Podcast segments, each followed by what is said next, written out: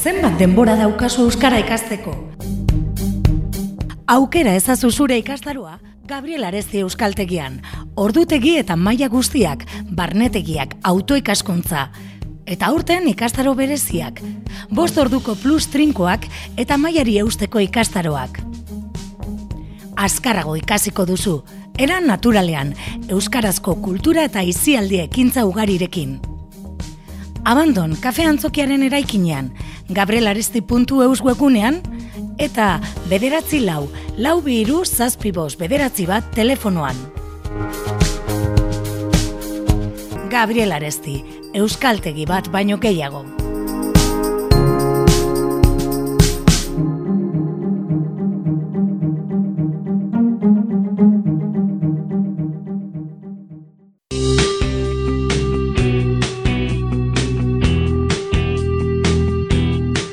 Bilbo irian, auzoak, erdigunean.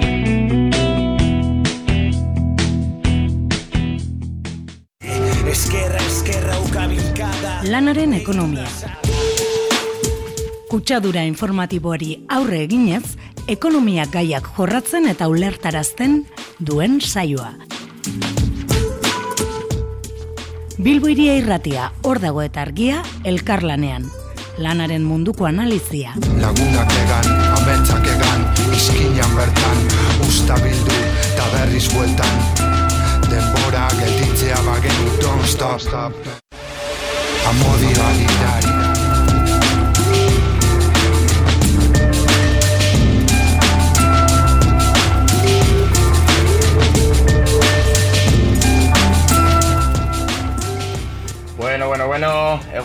egunon, danei, hemen gaude e, gaur e, urriaren emeretxian, e, lanaren ekonomia saioko e, de, zigarren denboraldia abiatzeko. E, gurekin daukagu Inez Agirrea Azkuenaga, kaixo Inez? Kaixo, egunon. Bera da lanaren ekonomia lantaldeko kide berria, zelan zabiz? Ondo, ondo, gogotsu, baina apur bat urduri ere, baina beldurrak endu behar dira aurrera. Oso ondo joango da, eskerrik asko.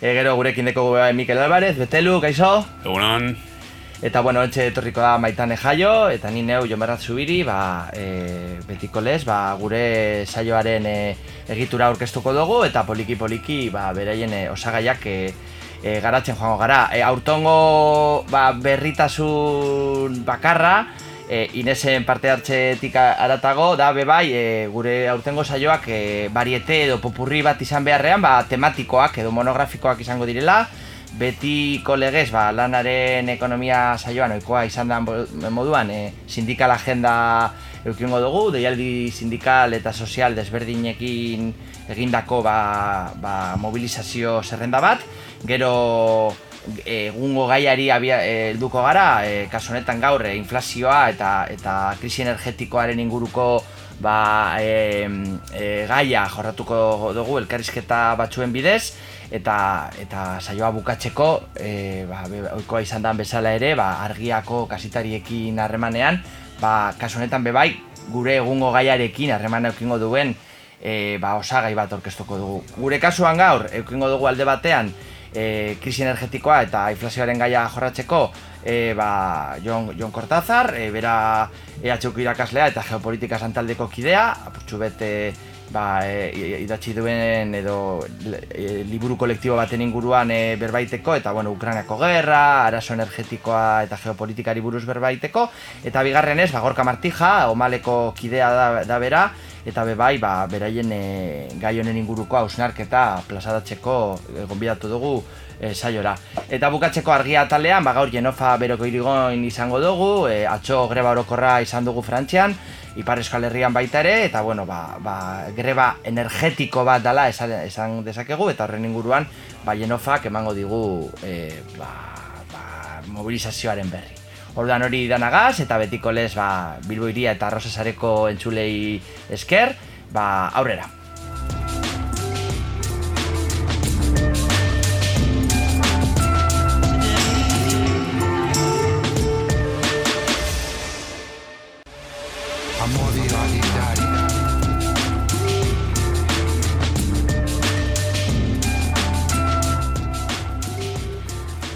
Bale, ba, kaizo egunon, eskerrak ematen dizkizuet hemen egoteagatik, eta baita e, entzuten ari zareten orori ere, eta tira, ba, sindikal agenda ematea tokatzen zaigu, baina aurretik, e, betiko moduan, e, gogorarazten dizuegu, badagoela aukera programara deitzeko, zuen inguruko deialdiak bidaltzeko edo dena delakoa. Programara audioak bidaltzeko zenbakia 6 lau lau, lau bederatzi bederatzi, bos bos lau da. Astiroago errepikatuko dut. 6 lau lau, lau bederatzi bederatzi, bos bos lau.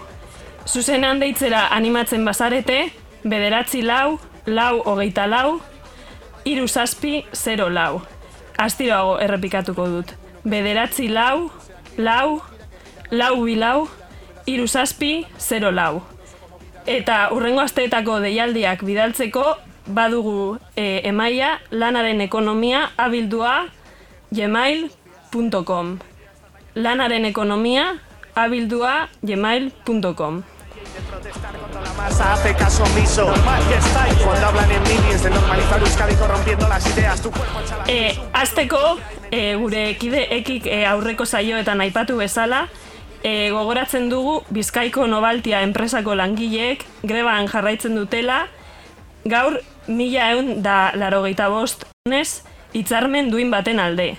Zaratamoko eta Zeberioko vulkanizados Zuloaga enpresako langileak grega, greba mugagabean jarraitzen dute baita ere, laureun da irurogeita garren egunez, hitzarmen duin baten alde.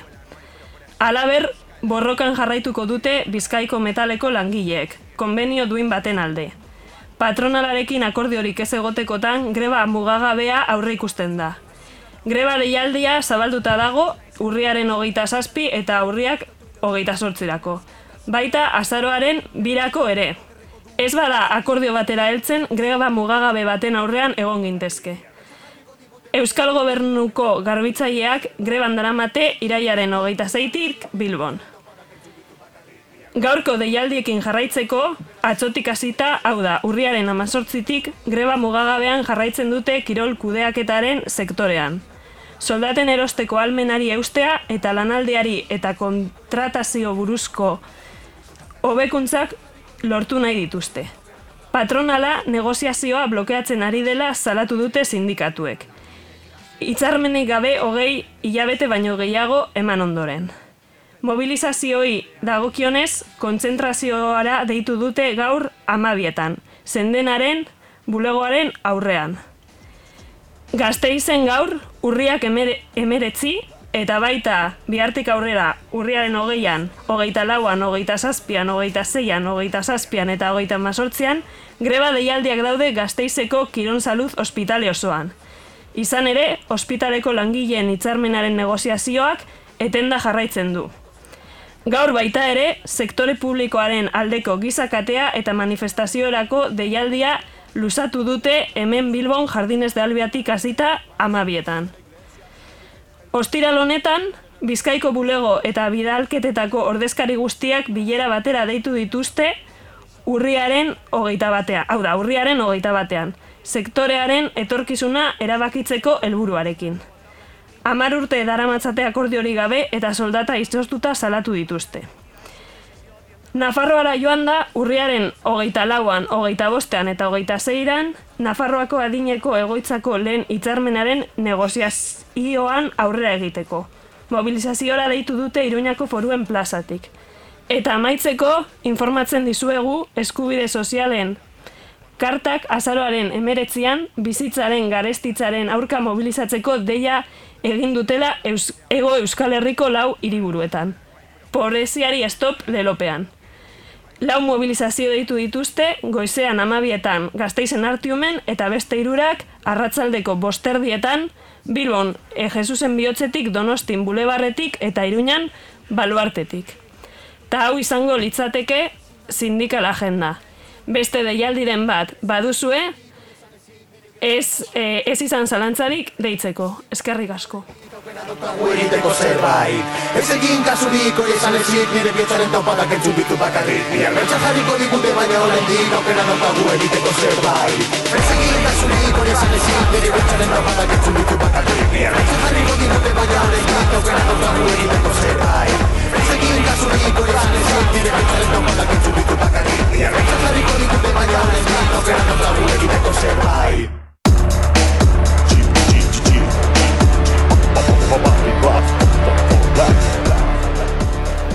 E, bueno, Jon Bernatek esan bezala, gaurko gai monografikoa inflazioa eta krisi energetikoa izango da.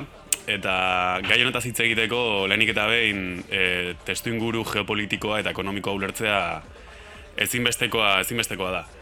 Eta horretarako gurekin daukagu e, telefonoaren beste aldean Jon Kortazar. Kaixo, Jon? Kaixo, egunon. Bueno, e, entzulentzat, e, Jon Kortazar, e, EHUko irakaslea da, geopolitika taldeko kidea, eta liburua diatzi berri du. E, Kiebras y pugnas del tablero politiko mundial, e, dagoeneko bigarren edizioaren bidean e, dagoena. E, Jon, zure, zuek idatzi dago liburuan gutxi gora bera gaur eguneko e, testinguru geopolitikoa e, aipatzen duzue, baina konkretuki e, gaira etorriz, e, Ukrainako gerrari so eginez eta eta krisi energetiko eta inflazioari erreparatuz, Zein uste duzu labur esan da izan dela ba, afera energetikoaren garrantzia gerran?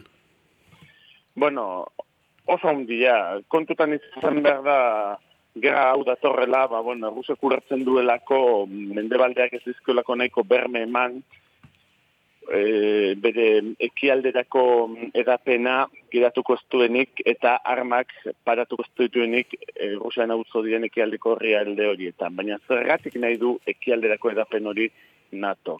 Hain zuzen ere, hori berme bat delako nat, e, Rusia eta Europaren arteko harremana, e, harreman ekonomikoa garatuko ez dela. Hau da, Rusia isolatzeko e, bide bat bilatzen da. Hor, e, politika anglosasoniaren geopolitiko nagusi makinderrek esan zuen munduaren ardatza e, World Island da, hau da, Eurasia eta Afrikako kontinentea, eta hor barruan Heartland ditutakua. Eta gu, itxas potentzi bat garen ez, Heartlanda okupatzen duen lurraldeari, hau da, Errusiari, bideak itxi barri dizkiogu, hau da, bere energia atera ez dezan lortu behar dugu. Energia merkatu datzeko bideak itxe edo zaildu behar dizkiogu, honi teoria potamikoa ditzen zailo. Kontutan izan behar da, Nord Stream honek e, estanda egin aurretik, batu, e, estatu batuetako goikarru asko izan dute estanda hori hau e, sekulako abagunea dela urentzat, honek ez, du, er, ez ditu errudun egiten ez da nahikoa forga, baina adierazgarria bada euren politika e, ulertzeko, ba Nord Stream bi hori, bigarren Nord Stream hori gontzan, zigor ekonomiko lotuta, Alemaniar enpresak zigortuak izan zian, ez zerra bakarrik beti eta baita ere Alemaniar enpresak zigortuak izan zian, e, e, gaz, gaz odi horiek eraikitzaren. Kontutan izan behar da, la lehenengo aldia, laro bian, Sovietar batasunaren e, lehenengo odiak, zartara zituen ziak, eta hon hartuta dago.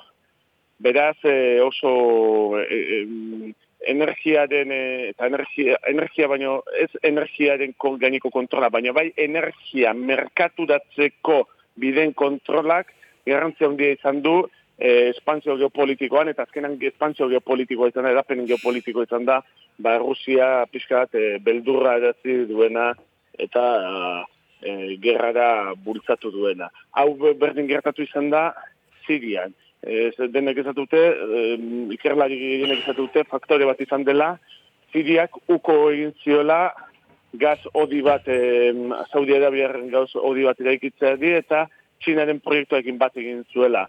Eta hori faktoretako bat izan zela estatu batuek, Ba, Sirian egon ziren protestak, ja, berez egon ziren protestak, militarizatzeko eta protesta horiek, protesta sozializatetik, matxina da, armatu izatea, e, bideratzeko erabakian. E, entzulentzat agian e, apur bat argitzearen Nord Stream gas odia bada Errusia eta Alemania lotzen dituen odia eta orain dela aste batzuk zartatua edo bueno, apurtua izan zen e, itxaso, itxaso baltikoan, ez da? Hori litzateke, Jon, zuk esan bezala e, gerraren e, kutxo energetikoaren, afen energetikoaren garrantziaren ba, adibiderik e, garbiena. E, autore asko gaipatzen dute e, gerraren ondorioz edo gerra amaitzen denean, bir komposizio geopolitiko batera joan gaitezkela, hau da, aliantza berri batzuetara joan gaitezkela. Nola uste duzu geratuko dela bai afera energetikoan eta militarrean apuru bat gerra osteko estenatoki hori? Bueno, nik uste dute Rusiak eh, BRICS blokearekin harremanak indartu ingo dituela, baina honek ez du esan nahi, nola nahi ez, errusiaren onerako izango denik. Errusiaren energia saltzen ari da, baina kasu batzuetan, e, pre, saltzen ari zen prezio baino merkeago.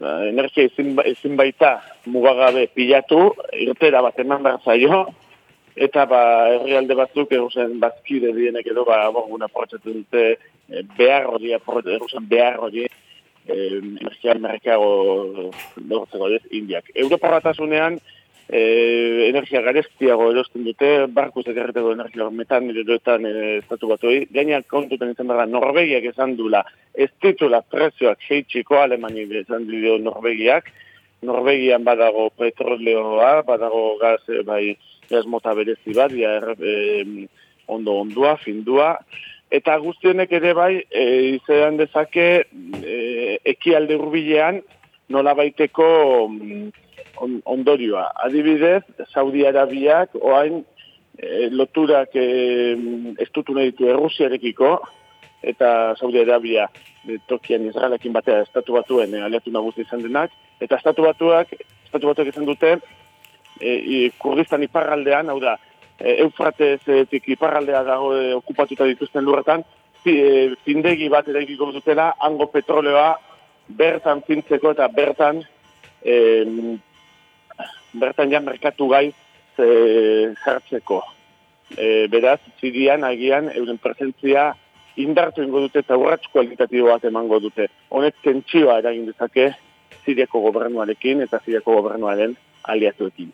Baina, beti bezala hemen, e, hipotesietan ari gara, hipotesiak bideak markatzen dituzte, baina bide horietatik zein e, aukeratuko duen munduak, hau da. Zein bidetatik egingo duen munduak, ba hori iragarpenetara jolazta pixka bat ere bada guk, bide posibleak e, zoiik e, ba, atzeman edo bide posibleak zentzuk izan aldien ezan alditugu. Bale, ba, hipotesi eta eta aukera horiekin geratuko gara. E, eskerrik asko Jon Kortazar gurekin egoteagatik eta argipen geopolitiko eta energetiko egiteagatik. E, uste dut lanak dituzula unibertsitatean orduan e, utziko zaitugu. Eskerrik asko Jon. Eskerrik asko zuen. Bale, agur. Bye.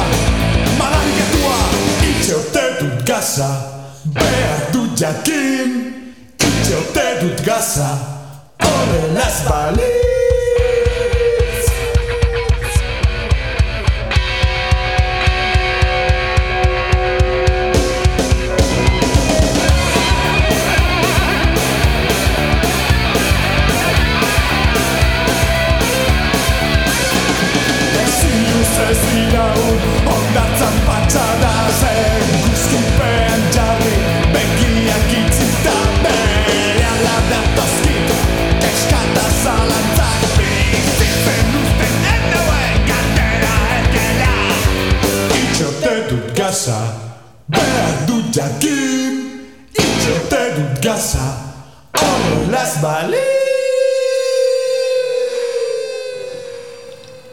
E, eh, entzun dugun abestia opor guztietako zalantzak emeak taldearena da, eta hain zuzen ere gasaren inguruan jarduten du, e, orduan abesti ezina aproposagoa gaurko saiorako. E, uste du telefonaren bestaldean Gorka Martija daukagula, kaixo Gorka? Kaixo egunon. Kaixo egunon. Bueno, e, Gorka Omaleko ikerketa taldeko kidea da, eta beste hainbat e, plataformetako kidea ere bai. Eta bueno, ikerketa talde honetan informe eta, eta lan ugari egin dute bai botere korporatiboaren inguruan eta baita gaurko ba, gaiaren inguruan, ez? Energia krisiaren inguruan. Bueno, gorka, e, behin eta berriro entzun dugu ez, e, udazken beroa datorrela, bai Ukrainako gerra, energia krisia, inflazioa, soldata eta irabazien arteko arrakala, Badirudi aipatzen diren faktoren artean, ba, kontsentsua egon badagoela, baino ez ordea faktorein ordenean edo, edo eta arrazoi ondorioetan, ez? E, zure ikuspundutik eta omaletik egin dituzuen ikerketen ondorioz, e, nola ikusten duzu gaia? E, energia krisi eta ekonomiaren finanzializazioa Ukrainako gerra baino lehenagotik datorrela hori argi dago. Hala ere argi dago ere gerra krisi hori azkartu duela. E, ze testinguretan kokatzen gara momentu honetan? Bai, e, bueno, e, Ukrainiako gerra ezin dugu ulertu, baldez aurretik jada martxan zegoen kapitalismoaren e, egiturasko krisialdetik e, abiatuta espada, ezta?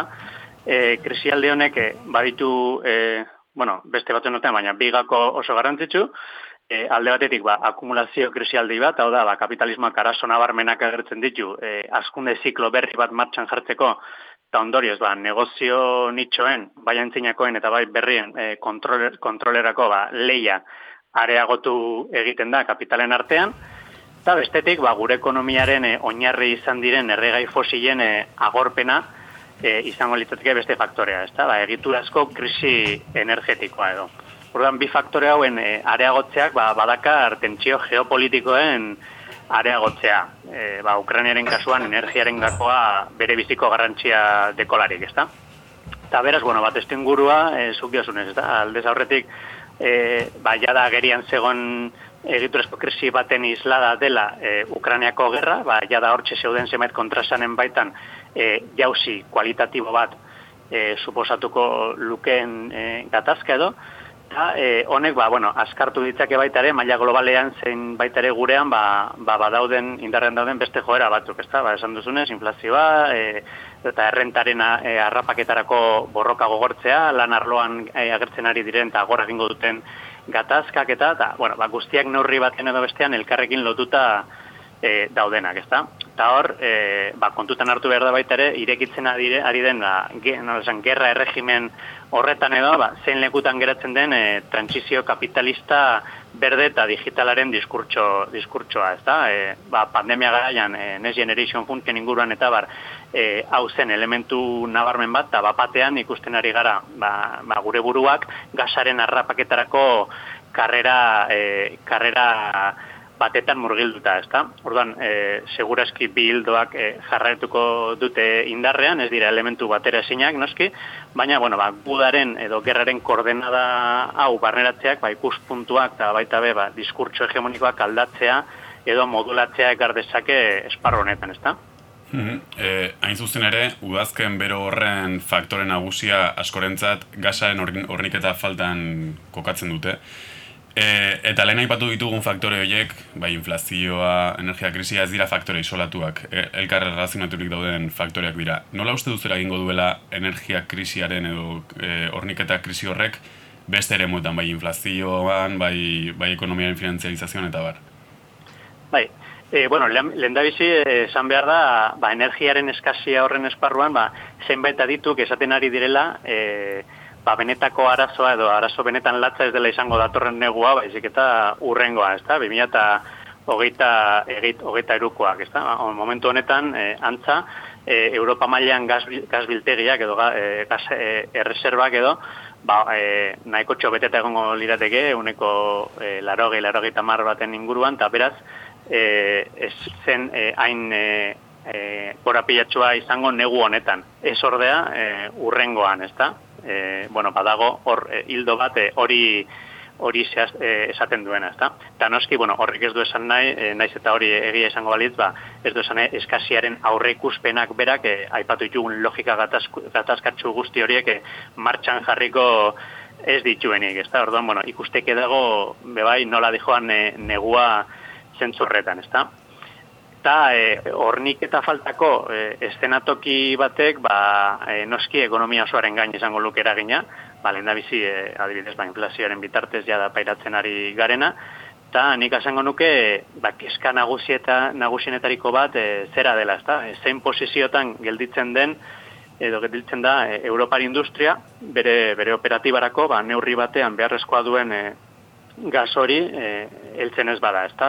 Hau e, bereziki garrantzitsua da Alemaniaren kasuan, ba, Europar batasuneko potentzia industrial esportatzailea bai da, nun, bueno, ba, batasun osoak e, berarekiko e, nolabaiteko mainpekotasun ekonomikoa eta produktiboa daukagun, e, eta bueno, ba, bere gas errusiarekiko menpekotasun hori ere e, badu e, pisu nabarmen bat, ezta? Beraz, bueno, hor egon daiteke e, nola esan arazo bat, e, efekto domino baten modukoa edo e, eragin dezakeen e, kojuntura bat, ezta?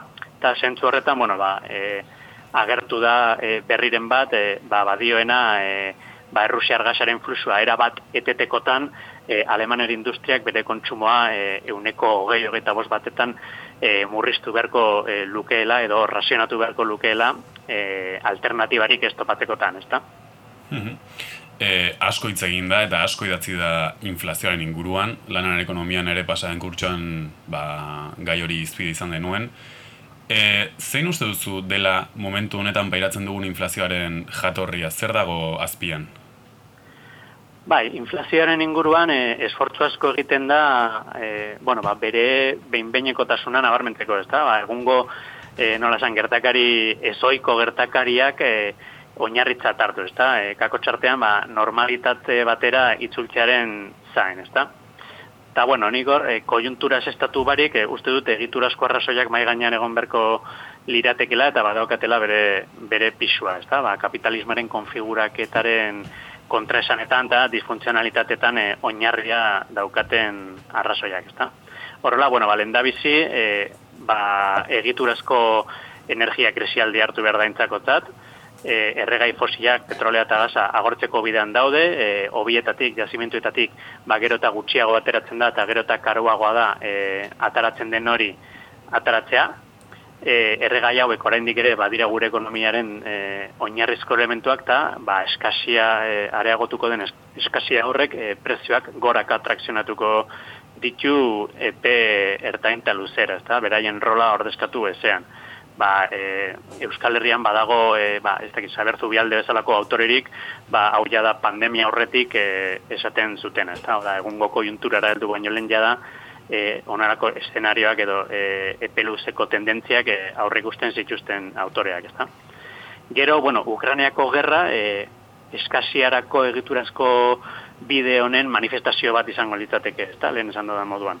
Ba, etorkizunean gero eta gehiago gertatuko diren gatazka, gatazka mota, mota bat, ezta? Ba, lehen gaien arrapaketarako gatazkak e, aleria, ezta?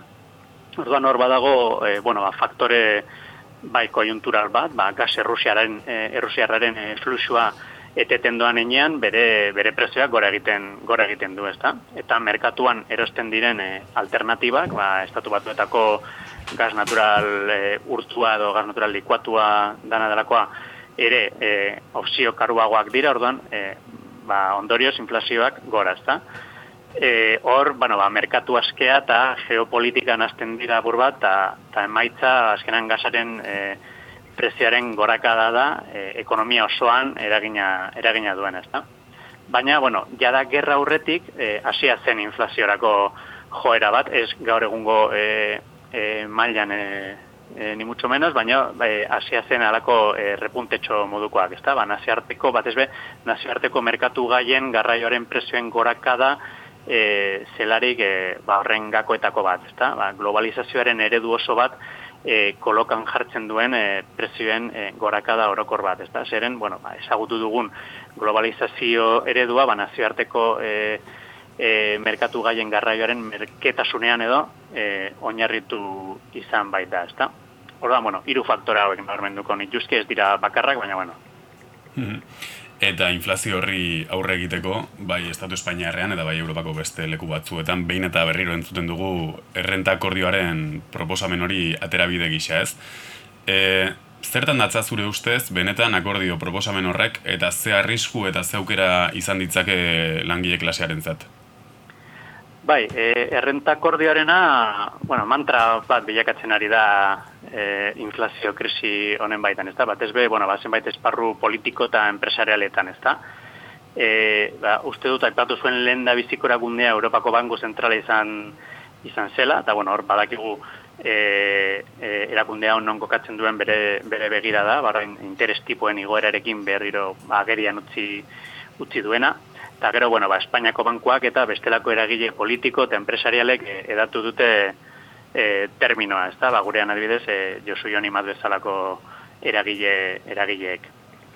E, bueno, trantsizioko monkloako paktuak ekartzen dira memoriara askotan honetaz hitz egiterakoan, e, formalki, esango nuke, bal, e, langileen eta enpresarien e, ordezkariek euren artean, inflazioaren kosteak banatzeko akordio, e, akordio bezala e, aurkezten dela e, errenta paktuaren irudi hori, ezta?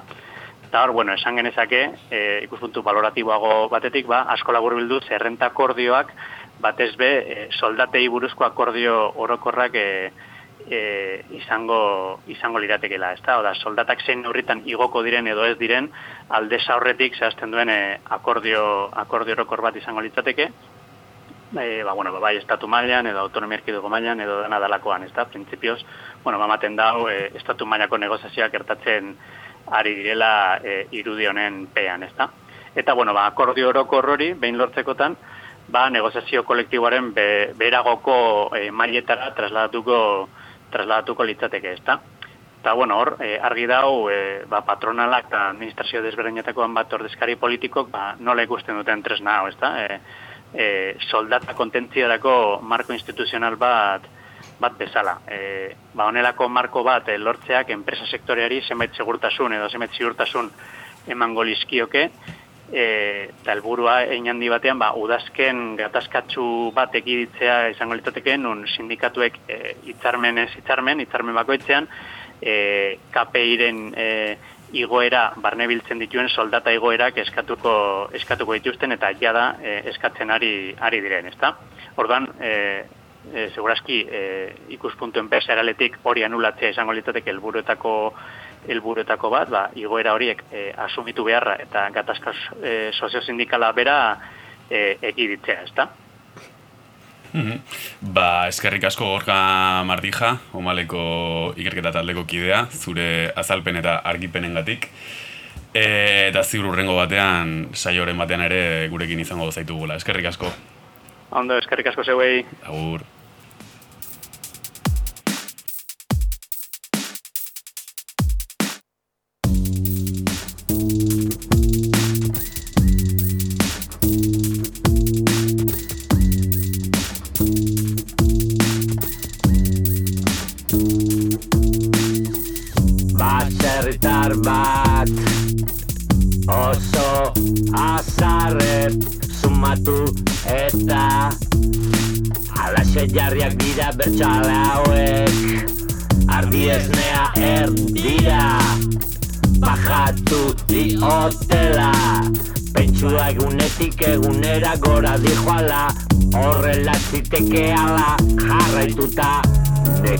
Nekazaritzak hemen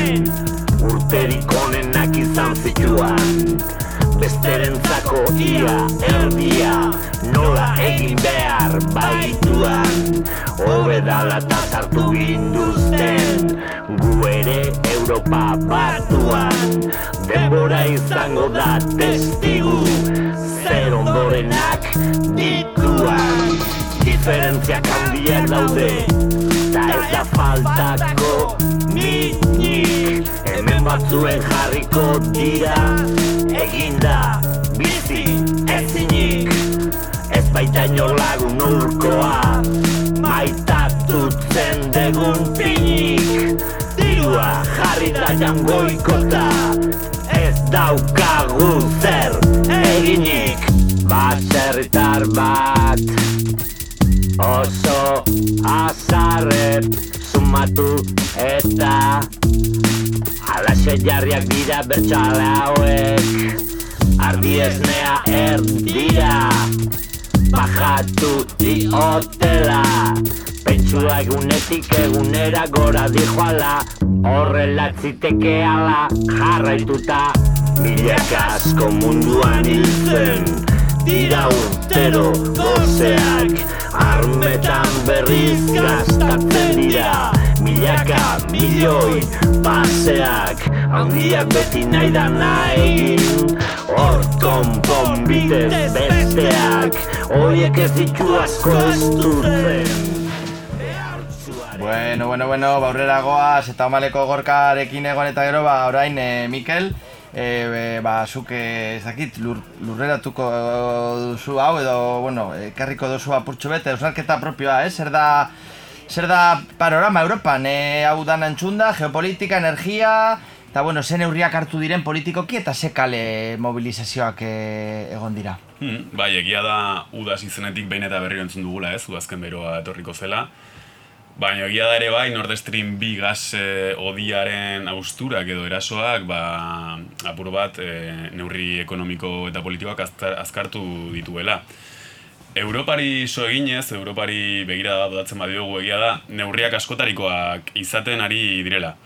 Lehenik eta behin, bueno, e, erresuma batuan, azkeneko astetan ez da fiskala pilpilan egonda, eta Liz Trasek, lehen ministra berriak izendatutako ekonomia sailburuak, kuasi kuartangek bere dimisioa aurkeztu du, ba, aurkeztu zuen e, ba, erreforma fiskalak e, ba, onarpenik jaso jaso ez duelako, eta bueno, berriro berraztertzen ari dira zen neurri fiskal hartu daitezkeen e, krisi energetikoari eta inflazioari aurre egiteko. Frantziara begiratzen badugu, estatu frantsesari begiratzen badugu, gero hitz egingo dugu, atzo greba orokorra egon zela, Baina, bueno, oro har Macronen kontrako mobilizazioak ere indartzen ari dira. Eta horren ondorioz, gobernua behartu ikusi da enpresa energetikoei negoziatzeko deia luzatzea.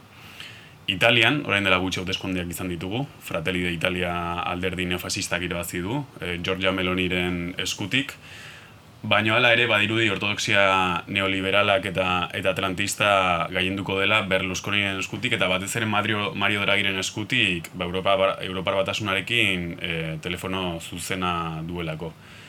Eta, eta Espainiar estatura etorrita, e, bueno, e, uda partetik e, krisi energetikoari aurre egiteko salbuespen iberiarra bezala ezagutatako neurria daukagu, Eta gainera, gobernuak salbuespenezko gutxieneko neurri fiskalak jarri ditu martxan enpresa energetikoen ba, onurak egirabaziak ba, zerga, zergapean jartzeko. Badiruri, badirudi oro har, Europar funtsekin gaiendu zen ilusio sasik einesiar hori ba, ba, apurtu duela edo behintzat bide motza izan duela eta austeritatearen aldeko hautsak indartxo entzuten ari dira momentu honetan Europako Banku Zentraleko bulegoetan. Hala ere, kaleari begiratzen badiogu edo mobilizazioi begiratzen badiegu, egia da ere, ba, iniziatibaz jokatzen ari direla hainbat ezkerreko sektore, sindikatu eta alderdi politiko. Alemanian, Italian eta Frantzian, batez ere, ba, mobilizazioak nahiko jendetxoak izaten ari dira, Eta gien esanguratsuena eta urbilen daukaguna atzo Frantziar estatuan gertatutako greba greba orokorra izan da. E, Pasaren azte buruan egindako mobilizazioen ondoren, atzo langile sektore ugarik, e, esan bezala greba orokorrera deitu zuten, eta greba nahiko arrakastatxo izan zen, bai enpresa energetikoen e, langileen aldetik, irakaskuntza sektoreetan, garraitako langileen aldetik, eta badirudi, udazkenari begira, Europan gertatu daiteken ziklo mobilizatzaileari erreparatuz, batzokoa inflexio, puntuan, inflexio puntu nahiko garrantzitsua izan zela. Eta jatxera etorrita, e, aste honetan, e, prezeski, Euskal Herrian ere, Euskal Herriko eskubide sozialen karta osatzen duten eragile sozial eta sindikalek mobilizazioak deitu dituzte azarorako orduan estenatoki horren aurrean arkitzen gara momentu, momentu honetan.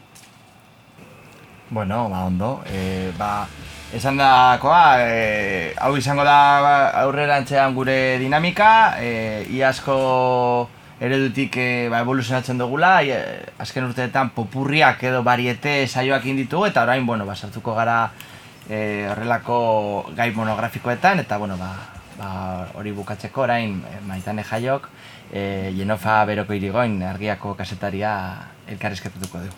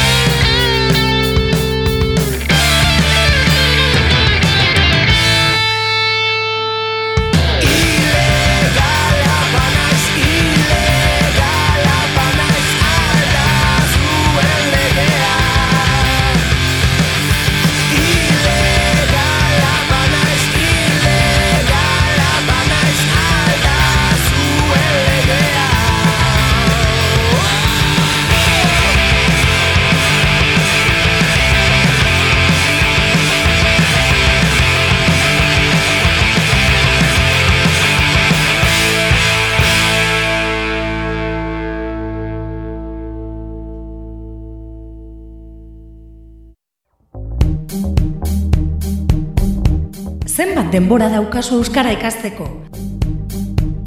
Aukera ezazu zure ikastaroa Gabriel Aresti Euskaltegian. Ordutegi eta maila guztiak, barnetegiak, autoikaskuntza eta aurten ikastaro bereziak. Bost orduko plus trinkoak eta mailari eusteko ikastaroak. Azkarago ikasiko duzu, eran naturalean, euskarazko kultura eta izialdi ekintza ugarirekin. Abandon, kafe antzokiaren eraikinean, gabrielaresti.eus webunean, eta bederatzi lau, lau bihiru zazpibos bederatzi bat telefonoan. Gabriel Aresti, euskaltegi bat baino gehiago.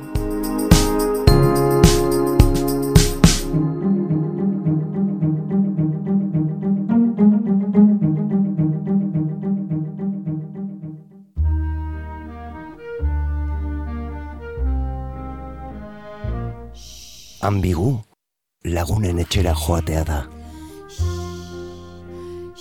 Ambigu, sapore, usain eta erritmoen dantza da. Ambigu, goi mailako krapulismoa da. Eta jakina, ambigu, done bikandik kaleko kriston jatetxea ere bada. Zatozte gure etxera. Zuen etxera.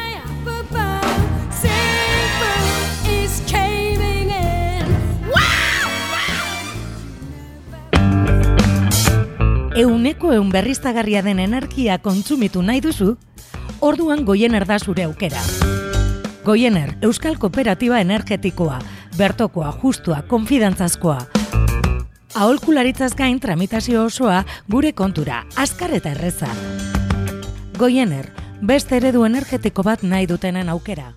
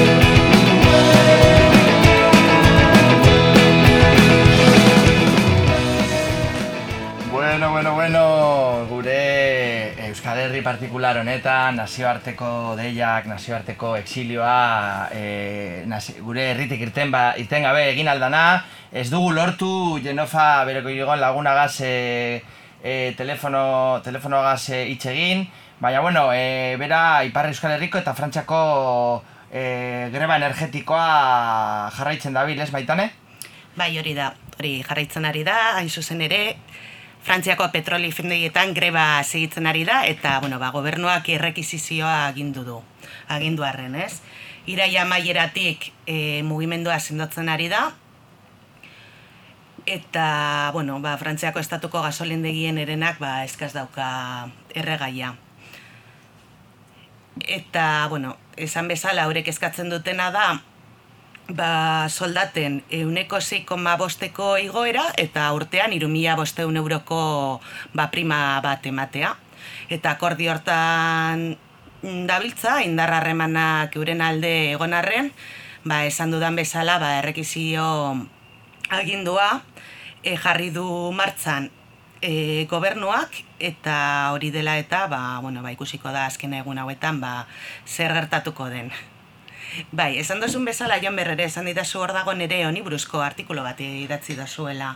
Bai, urrengo, urrengo minutuetan edo, e, la huelga petrolera viva la confrontación social en Francia, e, e, Occitaniako lagun bategaz e, gaba honetan egindakoa, apurtxuet, bai, enofaren hildo beretik ez, aztertzeko zelan azkena esteetan, ba, energia eta inflazioa, energiaren presioen goraka da, eta horrek sortutako inflazio orokorrari erantzuteko, ba, mobilizazio e, sektorial oso potente bat egoten ari dala, e, aipatu duzun moduan baitan, eba, ikusten gabiz e, gasolindegiak e, iaia frantxako gasolindegin eren bat gasolina barik daude, liskarrak sortzen ari dira, e, urduritasunak, e, gasolina ezinbesteko erregaia dalako gure kapitalismoa eta gure bizitza funtsiatu izateko, eta bueno, e, Macronek e, ba, oso ahul dau bai arlo politikoan, poli, e, parlamentuan ez deko gehiengorik, eta bai arlo sozialean, ba, bueno, barrolako mobilizazioak frantzin beti izaten dira oso determinatuak, bost azteko greba mugagabe bat,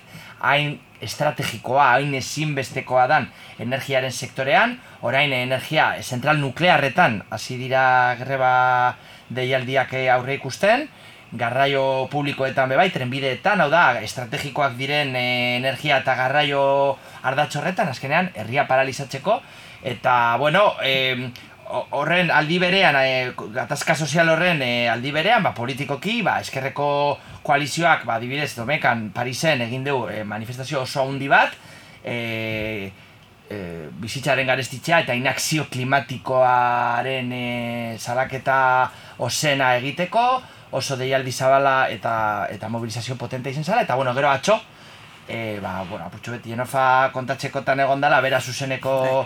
biz, zuzenean bizi izan duelako bai honatik, ba, bai, greba orokor oso, oso arrakastatxua, e, baina dozenean, ziurazki beste greba orokor dinamika baten hasierakoa, ze hori bai esan behar da, gau, e, leike, bai Euskal, guk Euskal Herrian, ohitura izaten dara greba orokorrak egun bat eta bakarrekoak egitea, 2008an krisiaren ondorioz bai gozala apurtxo dinamika e, sosteniduago bat, baina zean frantzian batzutan egatzen dira greba orokor, e, hau da, e, sektore guztietako greba orokorrak e, astean behinekoak egitera arte eta aldarrikapen zehatz baten baitan, kasu honetan, e, bueno, aldarrikapena sindikatu batzuena atxo, izan da, berreun, oza, laureun euroko igoera, soldata igoera orokorra. Batek esango du, jo, eh, zelako aldarrikapena, danei, pertsona guztiei, sektore privatuan zein publikan, laureon euroko e, era. Baina, bueno, pentsa dezakegu, adibidez, maiatxak irurogeita sortzian, ba, azkenean, gatazka bukatu zen ekainaren batean, Frantxa, Frantxako langile guztien soldaten euneko amabosteko igoera batekin. Hau da, batzutan, bor, frantzesek dekoie esaera bat, e, larut pei, borrokak ordaintzen deu, eta kasu honetan ba, ba bai eraginkorrak eta baliogarriak direla bizi baldintzako betzeko ba antolakuntza kolektiboa eta borroka kasu honetan e, guk dekoguna baita Ipar Euskal Herrian argita garbi ikusten dela, ez? Eta bueno, ba sortea e, e, Ipar Euskal Herriko e, ba, kideei eta eta baita Frantziako langileriari ba borroka hau irabaz desaten.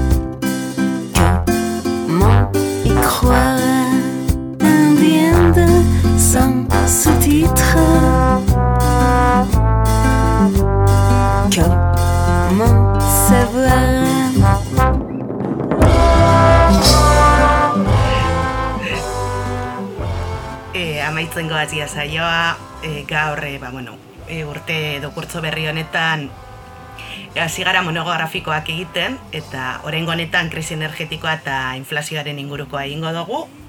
Azkenean be, bueno, amarkada osoko gaia izan arren, e, ba, bueno, krisi energetikoarena, Ukrainiako gerrak askartu egin da krisi hau, eta, bueno, esan dugun bezala, ba, udazken beroa daukagu. E, azteko, hasi gara, betiko lez, eunda hogeta bat kriu taldearen musikarekin, ondoren sindikal agendarekin jarraitu dugu, Orengo honetan lantaldeko kide berri bat daukagu hemen, Inez Agirre Azkuenaga. Ondoren izan ditugu bai Jon Kortazar, Euskal Herriko Unibertsitateko irakaslea eta Korka Marti Jaumaleko kideak, ba, Europako e, ba, gobernu desberdinek ba, krisiaren arte, e, aurrean hartutako erabakiei buruz e, ba, euren eritzia emateko. Eta amaierarako Genofa Beroko irigoien izan, e, izan nahi genuen hemen plat, e, izan nahi genuen e, hitz egiteko ba, Frantziako e, gasolindetietako grebaren inguruan, baina bueno, azkenean zuzeneko gaiak direla eta ba, ezin izan dugu eta gure arteko komentario batzuk egin ditugu. Ba, bueno, amaitzen joateko, eskerrak e, parte hartzaile guztiei, taldekide guztiei, mandoetako Ibon Burgoari eta baita ere ba, entzule guztioi. E, datorren astean egongo gara eta aste hona izan.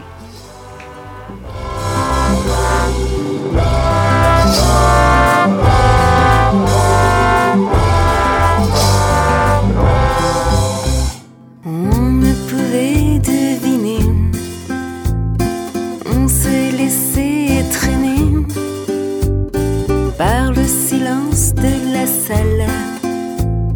Tellement belle, fin de la projection. On est resté tout seul.